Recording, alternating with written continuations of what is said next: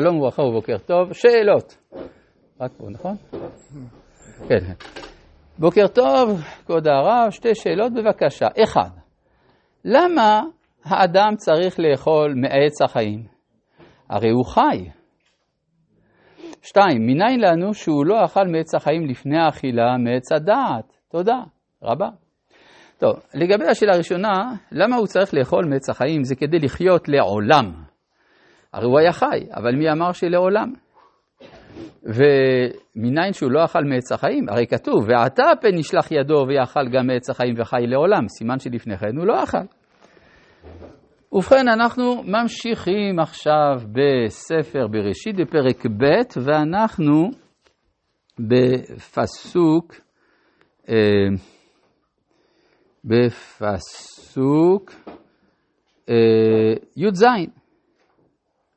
ומעץ הדעת טוב ורע, לא תאכל ממנו, כי ביום אכולך ממנו מות תמות. אז הסברנו שהכוונה שהוא צריך לאכול מעץ החיים, הוא חויב לאכול מעץ החיים, אבל הוא צריך, הוא מחויב לאכול מעץ הדעת, אבל כדי לא למות הוא צריך לאכול קודם מעץ החיים. כך שבעצם החטא הוא ההקדמה של הדעת לחיים, ולא חטא מהותי הקשור לעץ הדעת.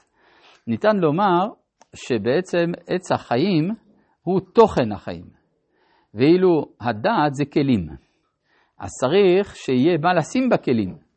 אז לכן צריך קודם כל לבנות את החיים הפנימיים. זה כלל גדול בכלל, שצריך קודם כל לבנות את עולם הערכים ואחר כך את הכלים לערכים. אם אדם מקדיש יותר מדי, נותן קדימה לכלים על פני התוכן, אז באמת הוא אדם מת, אף על פי שהוא נראה חי לפנינו, אבל אין לו תוכן של חיים שיחיה אותו, ולפעמים יש אנשים שאפשר לומר עליהם שהם יודעים יותר מדי דברים, זה יותר מדי ביחס לתוכן הפנימי שלא נבנה. אז כך שאפשר לומר שחטאו של אדם הראשון זה שהוא רצה ללכת לאקדמיה לפני שהלך לישיבה. זאת אומרת, הוא בנה את עץ הדעת לפני עץ החיים, אבל אם יש לו כבר עץ החיים, אז הוא מחויב לעסוק גם בעץ הדעת, כי אז התורה, אה, צריך, כי, כי התורה שלו, תורה עץ חיים היא למחזיקים בה, היא צריכה גם כלים לקלוט אותה. עכשיו, אחרי שתי המצוות האלה, לא מסופר מיד מה קרה, אלא מספרים משהו אחר לגמרי, שלכאורה חורג מן הסיפור, בריאת הזוג הראשון. כן, ויאמר השם אלוהים וכל הדברים האלה, נשאלת השאלה, למה זה מופיע כאן? כלומר, אנחנו מבינים שיש קשר בין יצירת הזוג הראשון, איש ואישה, לבין החטא שבא לאחר מכן. בין היתר, אנחנו יודעים את ההאשמה שהאשים אדם את אשתו, כן, האישה אשר נתתה עמדי. אז כנראה שיש איזשהו קשר ענייני שנצטרך לברר אותו. וכאן אה, יש פה אמירה מעניינת מאוד בפסוק י"ח, ויאמר השם אלוהים, לא טוב. עכשיו, הביטוי לא טוב הוא ביטוי קשה מאוד. כי כאשר אני אומר רע, זה לא אומר שאין טוב. יש רע, אבל יש גם טוב. אבל לא טוב, אין שום טוב, אז זה הרע המוחלט. כלומר, האמירה היא אמירה פסימית מוחלטת כאן. ויאמר השם אלוהים, לא טוב. מה לא טוב? כל העולם כולו. כן, הרי יש, ב... יש לכאורה דבר מוזר. אף על... הרי כתוב בפ... בפרק א' של בראשית, וירא אלוהים את כל אשר עשה, והנה טוב מאוד. אז איך יכולה להתפתח בעולם שבו ברור שהקדוש ברוך הוא סובר שזה טוב, שזה טוב מאוד, איך יכולה להתפתח השקפה פסימית? זה באמת משהו לא, לא מובן. יש אנשים שלא רק שסבורים שרע עכשיו, אלא שסבורים שהרע הוא מהותי למציאות. גם בפילוסופיה, גם בספרות, מצאנו דברים כאלה. חייב להיות בסיס בתוך מעשה בראשית לאפשרות הזאת. ויאמר השם אלוהים לא טוב. הנה הקדוש ברוך הוא מסכים, הכל לא טוב. עכשיו, איך אני יודע ששם צריך להפסיק? כי מתחת למילה טוב יש לנו טעם הנקרא תביר. תביר זה כמו פסיק. כן? ויאמר השם אלוהים לא טוב. או כמו נקודה פסיק. כן? ולמה הכל לא טוב? היות האדם לבדו. כלומר, מכיוון ש... אה, איך זה מסתדר? כשהאדם הוא לבדו, הכל לא טוב. אגב, זה מה שכתוב, וירא אלוהים את כל אשר עשה, ואמרנו שזה לא כולל את האדם. הוכחנו, כן? לא כולל את האדם. אז אם כן, האדם הוא האפשרות, הוא השורש לאפשרות לחשוב שהכל רע. עכשיו, השאלה היא, מדוע? משום שמה שמייחד את האדם מכל הבריאה כולה, זה היכולת של ההכרה. האדם יכול לדעת. מה הוא יכול לדעת? הוא יכול לדעת הכל. אין גבול למה שהאדם יכול לדעת ולהכיר. אבל יש דבר אחד במציאות שהוא לא יכול להכיר, זה את עצמו. אם האדם לא יכול להכיר את עצמו, מה התועלת שלו לדעת על הזברות? את עצמו הוא לא מכיר. אז מה, מה הרווחנו מהידיעה של הכל? ומכיוון שהאדם הוא תכלית הבריאה, הוא נזר הבריאה, אם אין משמעות לקיום שלו, אין משמעות לקיום של שום דבר. לכן נאמר, ויאמר השם אלוהים לא טוב. למה? היות והאדם הוא, כן, ככה היינו אומרים בעברית מודרנית, היות האדם לבדו. כלומר, מכיוון שהאדם לבדו, הוא לא יכול להכיר את עצמו. עכשיו צריך להבין מה זאת אומרת שהוא לבדו.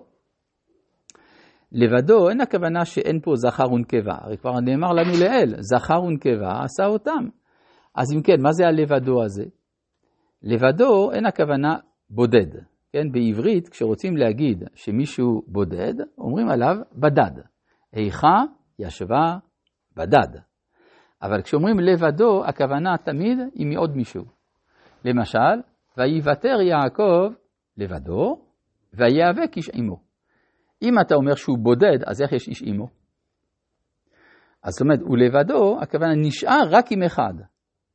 לבדו עם האיש, כשכולם עברו את מעבר יבוק.